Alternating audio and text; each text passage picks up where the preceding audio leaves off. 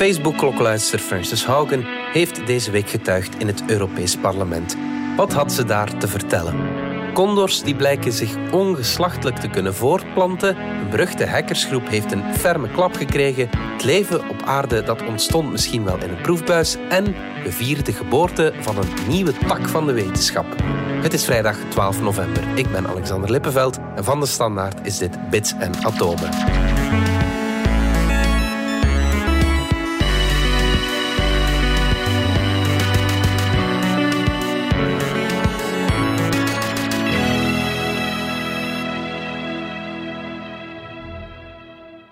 Technologiejournalist Dominique Dekmijn en wetenschapsjournalist Pieter van Doren. Pieter, we beginnen deze podcast met een viering van nieuw leven, een nieuwe wetenschap zelfs. Ja. Vertel. In het uh, kielzog van de klimaatonderzoeken gebeuren rare dingen.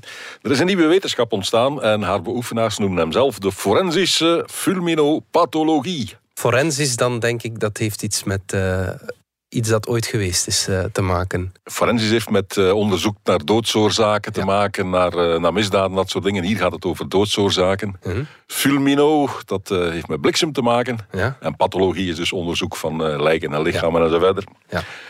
Ze hebben nu een manier ontdekt aan de Universiteit van Witwatersrand in Zuid-Afrika Mhm. om aan een skelet te zien of het ooit door de bliksem getroffen is. Bij een klassiek lijk zie je dat, zie je dat aan de brandwonden eh, deze mens of dit dier is door de bliksem geraakt. Ja. Je ziet bijvoorbeeld aan de voetzolen zie je heel vaak uh, uitgangswonden van de bliksem die langs daar weer naar buiten gegaan is. Ja, ja, ja. Maar als je alleen een skelet overhoudt, ja, dan zijn die wonden weg natuurlijk. dan zijn die weg. En uh, tot hiertoe had men geen manier om te zien, is het nieuw verbrand geweest, gewoon in een bosbrand? Uh, is dat elektrocutie geweest of is die door de bliksem geraakt? Ah, ja. Nu hebben ze dus een manier met ultrascherpe microscopie om hele kleine krakkelures te zien in het bot. Okay. Die alleen bij een blikseminslag uh, gebeuren. Mhm. En het leuke daarvan is weer, het klimaat, als dat warmer wordt, dat leidt tot meer uh, zware onwetens, tot meer bliksems. -hmm. Dus als je nu in fossielen zou gaan terugkijken en gaan tellen van in deze periode hoeveel procent van onze fossielen zijn er op bliksem geraakt, ja? dan heb je een onafhankelijke controle op andere manieren om uh, te zeggen in deze periode was het zo of zo warm. Ja. Je hebt er al manieren voor, aan boomringen en god weet wat nog allemaal. Kun je al temperaturen reconstrueren. Ja, omdat Dit is nu een bijkomende controle. Ja, oké. Okay. Dat is alleen dus... maar interessant. En hoe heette die universiteit? Die had een mooie naam. Witwatersrand. Witwatersrand, ja. Dat is mooier dan Universiteit Gent, bijvoorbeeld. Zullen ze in Gent niet leuk vinden, maar het is wel waar. Ja.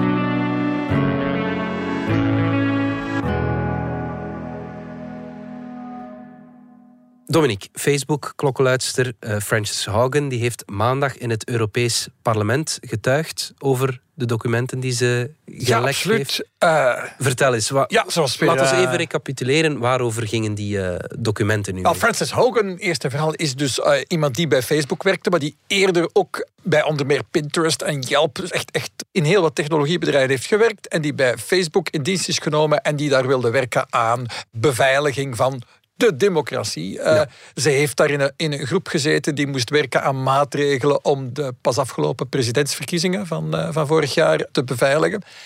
Maar ze is daar dan uh, teleurgesteld opgestapt met een heleboel documenten en is sindsdien een soort campagne begonnen om eigenlijk wetgeving te krijgen uh, in de VS. Maar ze is ook al in Engeland langs geweest tegen Facebook eigenlijk. Zij gelooft niet dat Facebook reddeloos verloren is. Zij denkt, sociale media kunnen best wel veilig zijn, Mhm. uh, maar we gaan dat moeten afdwingen, want Facebook gaat dat nooit spontaan doen. En ze is een soort uh, kruistocht begonnen en ze doet dat op een ongelooflijk efficiënte manier. Mhm. En ja, ze was dus in Brussel op bezoek deze week. Ja, wat heeft ze verteld? Uh, wel, wat uh, opvallend was, is dat ze goed gekeken had wat Europa bezig is. Mhm. En ze heeft het heel specifiek gehad over wat er in Europa voor ligt. Wij hebben namelijk een ontwerp van wat de Digital Services Act gaat Mhm. heten. En dat is eigenlijk het voorstel dat waar Europa nu al ja, enkele maanden naar zit te kijken... Dat is de manier dat Europa het zou willen aanpakken. Die grote sociale netwerken, van die grote internetplatforms in het algemeen. Ja. En daarvan heeft Hauke nu gezegd... Mooi, als jullie dat nu zo doen, dan, uh, dan wordt dat een voorbeeld voor hoe de rest van de wereld, inbegrepen het Amerika, zou Ah, ja. kunnen aanpakken. Dus, en wat, wat vond ze er dan zo interessant aan?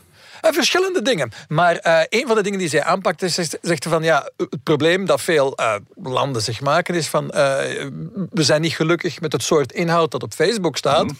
En dan is de neiging om te zeggen, we gaan dat ergens in een wet vastleggen wat er wel en niet mag. En dat vindt zij volledig fout. Hè? Mm dan wordt het een ingewikkeld verhaal. Voor een stuk is dat omdat zij, zeker in de Amerikaanse kant, probeert zij zowel democraten als republikeinen samen in een soort uh, gemeenschappelijk front te tegen Facebook te krijgen. Dus zij wil het vooral niet hebben over de inhoud van wat je wel en niet, uh, bijvoorbeeld, hè, als het mm. dan gaat over uh, racisme of zo, gevoelige onderwerpen, daar wil ze zo ver mogelijk vanaf blijven. Maar ze zegt ook, ja, dat is gewoon heel, heel moeilijk om dat op wettelijk mm. niveau te regelen. Je moet meer structureel denken en maatregelen nemen die de verspreiding van desinformatie beperken. Structurele maatregelen, mhm. zoals wat zij zelf bij Facebook eh, mee heeft ontwikkeld, was dan systemen die zorgen dat je niet zomaar uh, een, een, een, nieuwsbericht kunt doordelen zonder dat je het zelf eerst uh, ja, door bent geklikt om het te lezen. Ja. Ja, voilà. Deel niet iets dat je niet eerst bent gaan lezen. In de dat strijd soort, tegen fake news. Dus dat soort structurele dingen, daar gelooft ze heel erg in. Mhm. En dus zij was uh, heel blij dat Europa dus ook niet specifiek de inhoud wil gaan reguleren. Maar, dat is eindeloos. Hè? Ja. Voilà. Maar bijvoorbeeld een systeem heeft waarbij je verplicht bent als grote organisatie om een soort uh, zelf assessment te doen, te kijken welke risico's je product aan het veroorzaken is. En dat is een continu proces. Mm Dat je voortdurend moet die risico's inschatten, daarover communiceren en dan alle cijfers overhandigen eh, uit je interne keuken alles ter beschikking stellen van, van externe onderzoekers. Vooral daar heeft het in het verleden altijd fout gezet, gebrek aan transparantie. Maar dan, ja, dan gaat mijn alarm wel af van gaan die bedrijven dat wel, wel doen? En eh, wel ja, dus zij waarschuwt de Europese politici opgelet als jullie dat in de wet gaan zetten. Want Facebook is heel goed in ehm, heel selectief met zijn eigen data omgaan en manipuleren. Dus je moet heel specifiek mm. gaan zijn. En, ze, ze, had wat nuttige suggesties, en ik denk uh, zeer interessante suggesties, over hoe dat je die, die DSA, die Europese wetgeving, helemaal uh, waterdicht moet maken. Maar het was heel interessant dus dat, dat de Europese politici daar een, een medestander vonden in, in, in Francis Hogan. Mm. Het is bekend, uh, Europa heeft met zijn privacy-wetgeving mm die ondertussen al enkele jaren van kracht is. Echt veel gebruikers hier in Europa mopperen een beetje over al die uh, cookie-waarschuwingen die ze nog altijd krijgen. Maar dat heeft wereldwijd wel een norm neergezet die gevolgd wordt. En het idee dat we nu rond het reguleren van... Uh, van sociale media, ja, misschien eigenlijk ook wel het voorbeeld kunnen doen. Dat is een positief idee. Mhm, mhm. Denk je dat, je zei het, Frances Haugen voert een soort kruistocht. Denk je dat ze zal, zal slagen in haar opzet? Het is in ieder geval een niet te onderschatte persoon. Uh, ik denk niet dat, dat Facebook ooit uh, zo'n tegenstander heeft gehad. Hè. Dus, want je, je hebt heel veel critici van Facebook. En die mhm. zeggen allemaal, het moet allemaal beter, het moet anders. Maar, maar ze zeggen niet hoe. Ze zeggen niet echt hoe, ze hebben een deel van de oplossing. Francis Haugen is zeer coherent, kent die dingen zeer in detail en zegt bijvoorbeeld, ja, dat kun je proberen, maar dat gaat waarschijnlijk niet werken. Die benadering, ja, let mm. nog wel op dat. Het is zeer gedetailleerd, zeer uitgewerkt. Geloof bijvoorbeeld niet dat artificiële intelligentie de oplossing is voor een aantal van de problemen, zoals Facebook dat wel zegt. Hij zegt mhm. van ja, als we onze artificiële intelligentie maar goed genoeg maken, dat is de snelste manier om bijvoorbeeld deze informatie weg te halen. Zij zegt dan ja, nee, dat, dat werkt niet, want je krijgt het dan wel goed voor het Engels, maar dan loopt het uh, volledig fout in Myanmar of in India. Mhm. Zeker bij kleinere talen. Mhm. Dus zij zegt nee, je moet voor structurele ingrepen zijn die, die onafhankelijk zijn van de taal. En je moet er ook de nodige mensen op, op inzetten. Dus ja, een, een, een zeer uh, breed, concreet idee. En, en eigenlijk toch ook wel optimistisch in die zin dat zij zegt van zij gelooft dat je de sociale media wel degelijk recht kunt trekken. Zij vindt het mm. allemaal oplosbare problemen, maar zegt van artificiële intelligentie is alvast niet de oplossing. Eh, er moet heel strenge regulering komen, heel veel transparantie in de gegevens. Die bedrijven moeten echt de deuren openzetten. Uh, ja, het was een, een, coherent plan. En ik denk als, als Europa, Europa dat inderdaad doet. Uh, ja, misschien moeten we dat inderdaad niet wachten tot Amerika mm. met, met een, een, een, oplossing komt. Nou, GDPR heeft het bewezen, hè. daar hebben we de norm gezet. En ja, de, privacy, de privacy-wetgeving in Europa, inderdaad. Ja, ja, ja. Ze had ook bijzonder veel kritiek op die metaverse, dat Facebook wil. Want ja, we zeggen heel de tijd Facebook, maar eigenlijk moeten we Meta zeggen. Ja, of ai, meta. we zijn er weer ingetrapt. Ja. Eh, we mogen niet meer Facebook. Is de macht der gewoonte. Als het over het bedrijf gaat, moeten we nu Meta zeggen. Ja. Het sociale netwerk eh, blijft wel Facebook heten. Instagram blijft Instagram. WhatsApp blijft WhatsApp. Maar het bedrijf daarboven heet Meta. En eh, ja, Frances Hogan was daar genadeloos voor. En ze zegt, dat, kijk, dat is nu typisch Facebook. Of inderdaad, Meta. typisch Meta, Meta. ja, je hebt kritiek op één ding, en, maar ze, ze, ze zijn alweer met iets anders bezig in plaats van ernstig af te werken waar ze aan begonnen zijn. En dat, dat was eigenlijk echt wel de spijker op de kop. Want eh, Facebook, ja, die naamsverandering naar Meta, ja, sommige mensen zeggen dat is puur ehm, Cosmetisch. omdat, omdat Facebook de, naam een beetje vergiftigd Ja. is. We gaan die naam dan maar even Window snel veranderen. eh, ja. maar zo simpel is het niet. Dat hele metaverse-idee, dat is wel iets. En we Mhm. gaan het er hier de volgende maanden en jaren nog vaak over hebben. Daar is echt wel iets aan het gebeuren. En het Ja. is een beetje meer dan wat, dan wat we vro- vroeger virtuele realiteit noemden. Maar in wezen is het virtuele realiteit is een nieuw jasje. in 3D en zo Maar goed, eh, Facebook nu Meta is daar flink aan aan het werken. En ja, dan zegt Francis Hogan ervan, ja, ten eerste eh, laten ze in plaats van hier in Europa, want dat hebben ze aangekondigd, in hier in Europa gaat Facebook Meta 10.000 mensen in dienst nemen om te werken, eh, Juist, 10.000 ja. ingenieurs om te werken aan de metaverse. Ze zegt van ja, ze zet die ingenieurs eens in om eerst op Facebook en Instagram te fixen. En dat is natuurlijk terecht. Bovendien zegt ze, dat vond ik, eh, zij is een van de eerste eigenlijk die, die ook met een fundament, fundamentele kritiek komt om dat hele metaverse-idee. Ze zegt van ja, dat idee van dat je in plaats van dat het op je smartphone zit, ga je je er volledig in onderdompelen. Dat is eigenlijk het idee. Het, het mobiele internet met apps op, je, op, een, op een klein schermpje wordt vervangen door iets wat je, waar je in rondloopt eigenlijk, met je VR of AR-bril op. En zij zegt van ja, dat kan potentieel nog veel verslavender zijn, is veel gevaarlijker voor gevoelige groepen. We kunnen dat niet zomaar laten gebeuren. Laat staan dat we het eh, aan Facebook moeten overlaten. Dus ja, een, een, heel scherpe kritiek op iets waar de rest van de technologie-industrie toch plots de laatste weken... i- iedereen is nu met die metaverse bezig. hè. Ja, ze rollen En, erachteraan. Absoluut, iedereen loopt erachteraan. Dat is zeker niet alleen eh, Facebook Meta. Ja, misschien moeten we het er wel over hebben op het eh, podcastfestival, eh, jongens. Want het is wel Een interessant. mooi hè? thema daarvoor. Ja, ja, ja. Voor wie het nog niet weet, we hebben een podcastfestival en wij gaan er zijn. Absoluut, wij zullen daar zijn. Yep. We zijn terug na de reclame. 7 uur opstaan, 7 uur 30 half uur joggen, 8 uur call met mijn ex, hm. 9 uur eerste meeting op het werk, 10 uur presentatie voorbereiden, 10 uur 30 presenteren, 12 uur de zoveelste meeting, 14 uur 221 mails beantwoorden, 18 uur de kinderen helpen met hun huiswerk wiskunde en om 20 uur 30 eindelijk verder bouwen met Lego. Even tijd voor jezelf nodig? Vind je flow met Lego en geniet van een ontspannende uitdaging. Zoek op Lego sets voor volwassenen.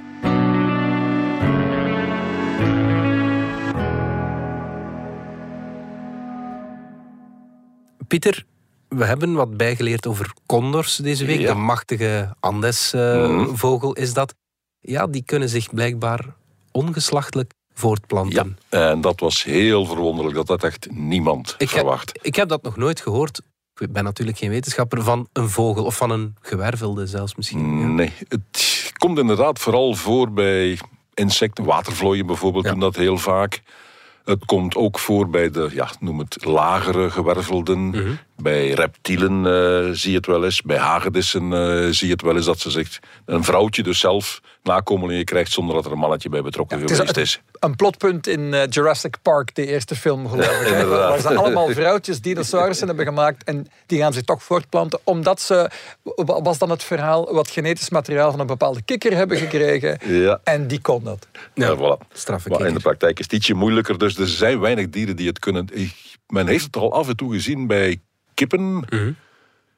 bij kalkoenen, bij duiven ook. Ah, ja. Maar dat is alleen als die echt totaal geen haan in de buurt hebben, eh, heel hun leven lang. Ja. En wat daaruit komt is toch maar, ja, noem het tweede klasse. Ze sterven vaak al in het ei. Ja, Dus het is zelden dat dat tot eh, levensvatbare nakomelingen leidt. Ja. Laat staan dat het bij grote beesten zoals een condor... eh Ja, bij de drie meter. Ja, dat eh, voilà. zijn gigantische dingen. Hè. De familie van, van de lammergier, en, eh, die je in de Pyreneeën wel eens kunt zien.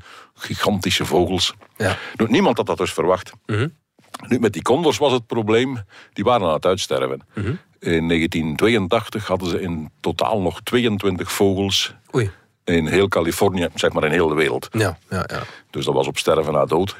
Ze zijn toen begonnen met eh, eieren van die vogels uit de nesten te halen en te proberen van die uit te broeden in een broedmachine. En dat er dus zeker geen ei verloren zou gaan. Nu, dat is af en toe toch fout gegaan. Eh, er zijn eh, alpinist-biologen die dan in die toppen moesten klimmen om daar helemaal bovenin in die nesten die eieren te gaan halen. En die hebben er wel eens een paar laten vallen. Maar goed, men begon met die eieren. Uiteindelijk heeft men gezegd, het gaat ons niet lukken. Ze hebben alle 22 vogels gevangen. Het moet een enorm werk geweest zijn om zo'n beesten te vangen. Hebben die allemaal opgesloten en zijn daar beginnen mee kweken. En ondertussen hebben we meer dan eh, 900 eh, nakomelingen daarvan. Dikke 500 leven nu nog in, eh, in het wild. Dat heeft men de hele tijd eigenlijk gezegd. We moeten die stambomen goed in de gaten houden. Dat er zo weinig mogelijk inteelt is en zo verder. En nu zijn we zover dat we eigenlijk van eh, elk dier het complete genoom kunnen aflezen. Dat is niet meer duur. Dus hebben we gezegd, oké, we gaan van al die 900 en zoveel kuikens die we hadden... gaan we de, het hele genoom, het hele DNA aflezen. Dan hebben we mooiere stambomen, kunnen we nog gerichter eh, gaan kruisen. ja. En wat bleek? In die hele groep zaten twee vogels, twee mannetjes... die alleen maar genen van hun moeder hadden. En niks van de vader die, die, bij, die bij die moeder zat. Want het waren eh, allebei vrouwtjes van koppels. De ene had al, ik dacht, eh, dertien keer gebroed samen. De andere zaten al twintig jaar samen in dezelfde kooi. Hadden al een hele hoop eh, broedsels gehad. Hebben nadien ook nog broedsels gehad. Maar ergens zijn er daar toch twee kuikens geboren die dus ongeslachtelijk ontstaan zijn. Ja. Allebei mannetjes. En allebei ook weer ja, een tweede klas, om het dan weer zo maar te zeggen. Dat dan wel, ja. Zwak. Geen van beiden heeft nakomelingen gehad. Ze zijn allebei gestorven voor ze volwassen waren. Maar zeg ze hebben wel geleefd. Ze hebben geleefd. Ze hebben de een heeft zeven jaar geleefd, zelfs de andere twee jaar. Ja, ja, ja. En het probleem is, we hebben het pas ontdekt Mhm. toen ze lang dood waren. We weten pas nu, ja. Sedert nu, dat ze dus ongeslachtelijk ontstaan zijn. Ja. Wist men toen niet. Dus men heeft die ook niet speciaal gevolgd of zo. Wat men nu zeker zou doen als we het eh, Ja, wisten. denk ik wel. De laatste is gestorven in 2009, de andere is al in 2001 gestorven. Mhm. Dus we zitten nu met iets eh, zeer bizar. Ja. En we kunnen Spannend. niet nagaan... We kunnen niet nagaan hoe het gebeurd is, waarom het gebeurd is, eh, Ja, wat de dat- mogelijke gevolgen zijn. Dat was mijn volgende vraag. Hoe gaat dat dan? Ongeslachtelijke voortplanting, maar we weten het niet eens. We weten het eh, niet echt. We weten ook niet of het een gevolg is van de gevangenschap bijvoorbeeld. Of het ook in het wild voorkomt. Mhm. Ja. Zeg, en zo'n heeft zo'n na- nakomeling heeft dan alleen genetisch materiaal van de moeder. Mhm. En het is toch een mannetje. Ah, het is een mannetje, maar dat kan perfect. Hè? Ja, je kan ook een Y-chromosoom Wel, bij dragen. vogels eh, zit het anders dan bij mensen. Ah ja, Eh. Bij mensen zijn de, de vrouwtjes hebben twee X-chromosomen. Ja. De mannetjes hebben een X en een Y. Ja. Bij de vogels zijn het de mannetjes die twee dezelfde chromosomen hebben. Ah. De mannetjes hebben daar twee wat men dan Z-chromosomen noemt. Men heeft er een ander letter voor genomen om het verschil wat duidelijker te maken. Dat verklaart dan wel iets. En de vrouwtjes hebben dus altijd één zo'n Z-chromosoom plus nog een ander. Ja. Maar ze kunnen dus perfect een Z-chromosoom verdubbelen en mannetjes krijgen met twee Z-chromosomen als nakomeling. Dat, dus in, dit, in dit geval is dat, dat dus gebeurd blijkbaar. Dus die nakomelingen ongeslachtelijk zijn geen klonen. Ze zijn niet identiek aan... Ze zijn niet identiek aan de moeder, nee. Maar alle Mysterieus. chromosomen of alle genen die ze hebben, komen wel van de moeder. Ja. Ja, iedereen heeft al zijn genen in, in tweevoud. En de, de biologie gaat daarmee spelen. Ik maak nieuwe combinaties uit die genen, maar je hoeft niet allebei dezelfde van, van je moeder of allebei dezelfde van je vader te nemen. Je kunt gaan mixen. En ook als je alleen maar in het eh, genoom van een moeder eh, kunt kijken, kun je gaan mixen. Ja. Wat hier blijkbaar ja, gebeurd is. Alleen de details, eh, ja, Die weten we niet. die weten we niet. We zullen moeten afwachten of het nog eens gebeurt. Ja, laat het ons hopen. Dan weten we het wel.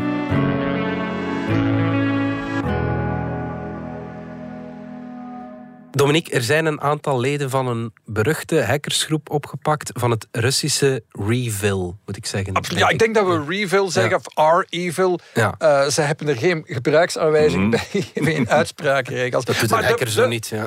was wel ja, de, de grootste, misschien wel meest succesvolle eh, cybercriminele groep eh, ooit. Mhm. En eh, ja, er zijn er een flink aantal van. In totaal nu sinds het begin van het jaar zeven mensen. Maar nu, Mhm. nu de afgelopen dagen zeker drie mensen van ge- gearresteerd. Mhm. Waaronder dus een 22-jarige Oekraïner, Jaroslav Vasinski. Die opgepakt is in Polen. Polen heeft een uitleveringsverdrag met Amerika. Ja, het is Amerika die, dat hier Mhm. aan de slag is geweest. En dat heeft een beetje voorgeschiedenis. Dus vooral sinds de, de lockdowns, het Mhm. aantal ransomware-aanvallen, waarbij de bestanden van het bedrijf worden versleuteld en dan moet je een losgeld betalen Dus het gaat niet over politieke inmengingen en dat Nee, soort dit dingen. gaat, over, dit gaat over pure criminaliteit. Vooral eh, de laatste twee jaar gigantische eh, toename van gezien. En heel veel daarvan kwam eigenlijk van een, een tweetal bendes waarvan men dacht dat ze wel iets met Rusland te maken hadden. En dat waren Revil en Darkside. De, de twee grootste aanvallen eigenlijk van dit jaar. Eén was op die pijplijn in Amerika. Dat was dan Darkside, dat waren die andere. Ja. En dan was er een aanval op een dienstenbedrijf Kaseya, dat 1500 klanten of zoiets had. Dus in feite een besmetting van ineens 1500 slachtoffers. Er werd toen 70 miljoen dollar losgeld Ja. geëist. Dat waren twee hele grote aanvallen. En toen, op een bepaald moment, heeft eh, Joe Biden eh, in een telefoontje met Poetin gezegd van dat... eh, Moet gedaan zijn. Voilà, dat moet gedaan zijn.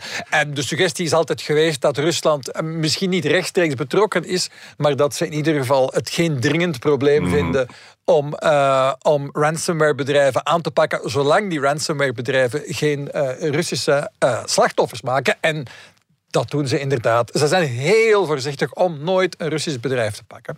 Dus voilà. Dus het was, maar maar dus die tijd is, is voorbij. In, tenminste, het ziet er naar uit dat de Amerikaanse overheid, en dan in samenwerking in dit geval met, met Europol, die ook een aantal arrestaties hebben gedaan in Roemenië. Maar er zijn dus uiteindelijk eh, mensen gearresteerd in eh, Roemenië, in Oekraïne, in of iemand uit Oekraïne, in Zuid-Korea en Kuwait. eh, in, totaal al dit jaar. Dus het gaat echt, eh, Echt wereldwijd. de- de- wereldwijd. Hè, voilà. Ja. En dus daarbij is ook eh, een beetje van het eh, geld teruggevonden. Dus die Jaroslav Wasinski die had eh, blijkbaar zelf een 2,3 miljoen dollar overgehouden aan die eh, grote Kaseya-aanval, wat misschien de grootste eh, ransomware-aanval ooit was. Dus die hebben ze gevat. Ze zijn een Rus op het spoor, maar die zit nog in Rusland. En dus of dat ze die uitgeleverd gaan krijgen, Zullen we die niet kansen gemakkelijk, zijn ja. niet zo goed. Een 28-jarige Rus die vooral in Texas eh, slachtoffers zou hebben gemaakt. En in totaal is er iets van een 6 miljoen eh, dollar teruggevonden, wat slechts een fractie Ja. is van wat die mensen hebben buitgemaakt. En maakt dat een, een verschil dat die opgepakt zijn? Want ja, de wereld loopt ondertussen vol cybercriminelen. Hè? Of, of wordt het internet weer Wel, wat veiliger? Het leek alsof er geen einde ging komen en alsof er geen verhelpen aan was aan die organisaties. En dit, dit heeft toch hoop gegeven. En, en veel mensen beschouwen het toch wel mogelijk, de toekomst moet het uitmaken, als een mogelijk keerpunt. Hè. De- er gaan echt wel enkele bedrijven een, beetje, een beetje van hun geld terugkrijgen. Ehm, er zijn mensen gearresteerd. Nu, ehm, die organisatie Revil en ook die andere die ik noemde, Darkside, waren al een paar maanden verdwenen. Juist rond de tijd dat Amerika gezegd heeft van eh, ze zijn te ver gegaan. Ze brengen onze kritische infrastructuur in gevaar. Die zijn eigenlijk, waren eigenlijk al een paar maanden ondergedoken.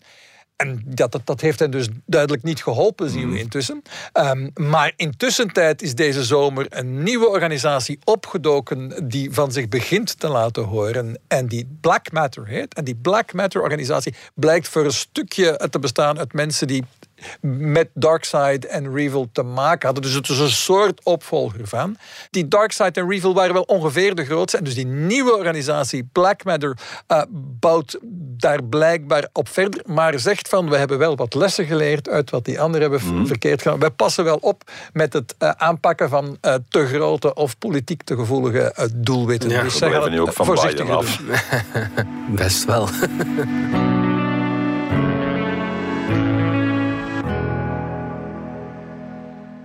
Pieter, het leven op aarde ontstond misschien wel in een proefbuis. Ja, zeer eh, bizar. We weten eigenlijk nog steeds niet hoe het leven op aarde ontstaan is. Hoe je begint met eh, water en wind en niet veel meer. En hoe je vandaar tot organische stoffen moet gaan komen. Dat zong Bart Kuil ook van water en wind. eh, wat was het? Nu, de eerste die dat geprobeerd heeft was Stanley Miller in eh, 1952. En die heeft toen een eh, glazen kolf gepakt, een 5 liter kolf. Heeft daar twee elektroden eh, ingestoken die met een punten dicht bij elkaar zaten. Zodat hij er een vonk kon tussen laten overspringen. Ja. Heeft daar water in gedaan. Heeft daar eh, lucht in gedaan. Zoals hij dacht dat de primitieve lucht op aarde was. Waterstof. eh, methaan en ammoniak. Geen stikstof, dat is het Geen, belangrijkste. dat, stikstof. ja. Bij latere proeven hebben ze ook stikstof gebruikt. Ja. Heeft dat gesloten, verwarmd. Die dampen eh, ook laten condenseren en terug neerregenen. En af en toe daar bliksems doorgejaagd met zijn elektroden. En een week of twee gewacht.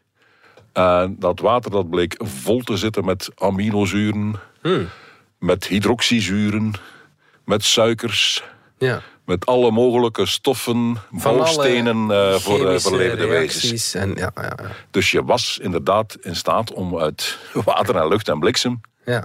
Om daar de basisstoffen voor levende wezens te, mee te maken. Je had nog geen levende wezens, maar je was De vertrokken. bouwstenen waren er. En chemici hebben in de jaren nadien allerhande varianten van die, die proeven geprobeerd en hebben stof per stof en stap per stap geprobeerd om van die eenvoudige stoffen naar ingewikkelder stoffen te gaan en tot aan DNA te komen en zo verder. En dat eh, lukt aardig. Als je er eh, H2S eh, bij doet bijvoorbeeld, dat eh, spul naar rotte eieren stinkt, dan eh, krijg je alle aminozuren waar ook zwavel in zit. Doe je er waterstofcyanide bij, dan krijg je purinen, dat zijn weer bouwstenen voor DNA en zo verder. Ja. Ze hebben er UV-licht op losgelaten. eh, ze hebben gekeken wat doe je nu als er ook ijs ontstaat. ja. Ge- Geeft dat effecten? Wat gebeurt er als we er een beetje vulkanisme bij doen? Ja. Wat gebeurt er als er een eh, enorme impact is, zoals die, die, die dinosaurussen daar eh, kapot gemaakt heeft? Heel leuke wetenschap. Ze hebben dan Ja, stalen ja. kogels met eh, 26.000 km per uur in ijs geschoten. ja. En dan gekeken wat de gevolgen waren. De gevolgen waren aminozuren. Ja, oké. Dus eh, ze waren een heel eind. En nu plots Ja. zijn er mensen die zeggen: hé, hey, wacht even jongens. Jullie dachten dat jullie mooie reacties aan het doen waren. Maar jullie hebben er helemaal geen rekening mee gehouden dat jullie in glas bezig waren. Ja. Chemici werken altijd in glas. Ja. En ze weten van glas, dat reageert nergens mee. We kunnen onze reacties perfect in glas doen. Dat glas heeft geen invloed op waar we mee bezig zijn, op wat we aan het onderzoeken zijn. Behalve in een paar zeer specifieke gevallen die we kennen Ja. en waar we er rekening mee houden. Dus ook Miller had zich helemaal geen vragen gesteld bij, Ja. bij de glazen kolven die hij gebruikte. Maar dat verlamt natuurlijk ergens je denken Ja, wel. ja, ja. ja, ja, ja. De, de wereld is niet alleen water en lucht, het is water, lucht en rotsen. Ja. Daar begin je mee. Ja. En hebben deze jongens gezegd, glas is een eh, silicaat, siliciumdioxide. Mhm. En waar je dat woord nog tegenkomt, is in zand. Ja, oké. ja. Het grootste deel van de aarde is siliciumdioxide. Ja. Dus eh, misschien moet je daar toch wel eens eh, dieper naar kijken. Ja. Dus die hebben die proeven opnieuw gedaan. In glazen kolven, Mhm. borosilicaatglas. Daar zit ook een beetje boor in. En van boor wisten ze ook al dat dat eh, wel leuke effecten had bij het ontstaan van het leven. Ja. Hebben ze ook gedaan in teflon. Ja. Teflon reageert echt nergens mee. Nee. Dus Ja. Mhm. dat was nog veel beter dan glas. Het heeft ook weer nadelen. Eh, teflon is een eh, erfenis van eh, wat we tegenwoordig 3M en de, De PFAS. en de het PFAS-toestanden allemaal? noemen. Ja. En dan hebben ze het nog eens gedaan in een teflonkolf waar ze glasschilfers in gestrooid hadden. Ja. Ah ja. En dan reacties opnieuw gedaan en gekeken. En inderdaad, als je het in teflon doet, heb je veel minder verschillende stoffen die ontstaan. En elk van die stoffen ontstaat ook veel minder talrijk. Ja. Dus dat glas speelt echt wel mee. Ja. Siliciumdioxide is waarschijnlijk een katalysator voor een aantal reacties, denken ze. Vergemakkelijkt andere reacties. Ja. En wat je ook hebt, in dat glas zijn allemaal hele kleine microputjes waar een beetje siliciumdioxide losgekomen is. En elk zo'n putje is eigenlijk een aparte reactiekamer waar je weer andere reacties kunt krijgen. Ja. Het is een beetje te vergelijken met wat je tegenwoordig in bierglazen ziet, waar men onderaan tegenwoordig putjes etst. Ja. En dan stijgen daar hele mooie luchtbellen omhoog. Dat is ook omdat daar specifieke reacties doorgaan. Ja. Ja. ja. Dus die twee dingen maken dat we die hele ontstaan van het leven toch eens grondig opnieuw moeten gaan bekijken. Ja, werkgelegenheid voor de wetenschap. Dat is dan Nou. wel weer fijn natuurlijk. Maar dus, als ik mag concluderen, om leven te creëren heb je water, lucht, elektriciteit, bliksem en glas nodig. En glas zand. of gesteente. Gesteente. Zand, zand of whatever. Ja, Want wat eh, we hier in glas zien, waarschijnlijk zijn er ook andere gesteenten die best wel Ja, nuttig geweest zijn bij het ontstaan van het leven. Ja. Uiteindelijk een kolf is maar een heel primitief model van een complete planeet. Mhm. ja.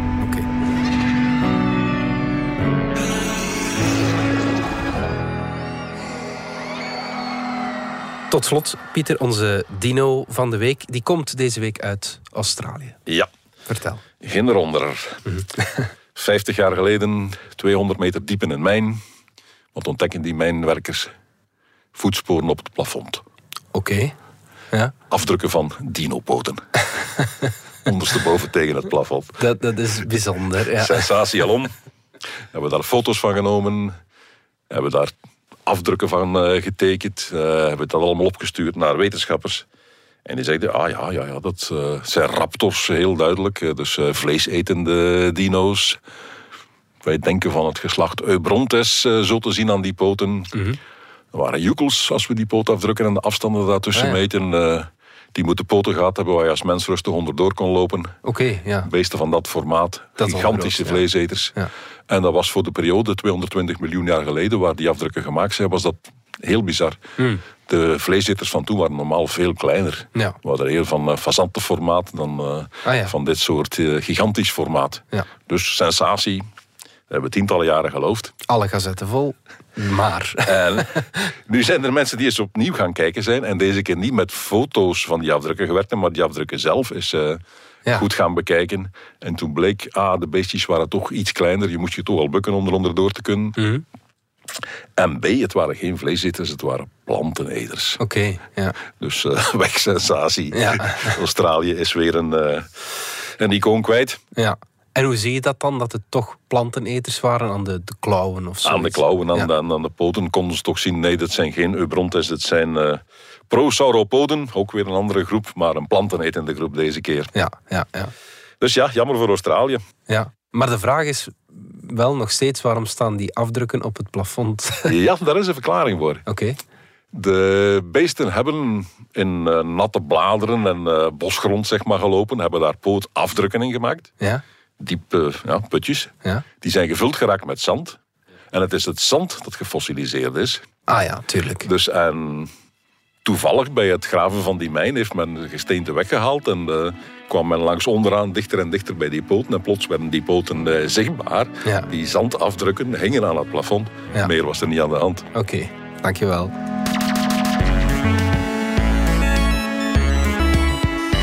Dit was Bits en Atomen, onze wekelijkse podcast over wetenschap en technologie. Bedankt voor het luisteren. Ken je trouwens DS Podcast al, de podcast-app van de Standaard? Daar luister je niet alleen naar onze journalistieke reeksen, je krijgt ook elke week een eigenhandige selectie van de beste nieuwe podcasts op de markt. Alle credits van de podcast die je net hoorde vind je op standaard.be-podcast. Reageren kan via podcast.standaard.be. Volgende week zijn we opnieuw.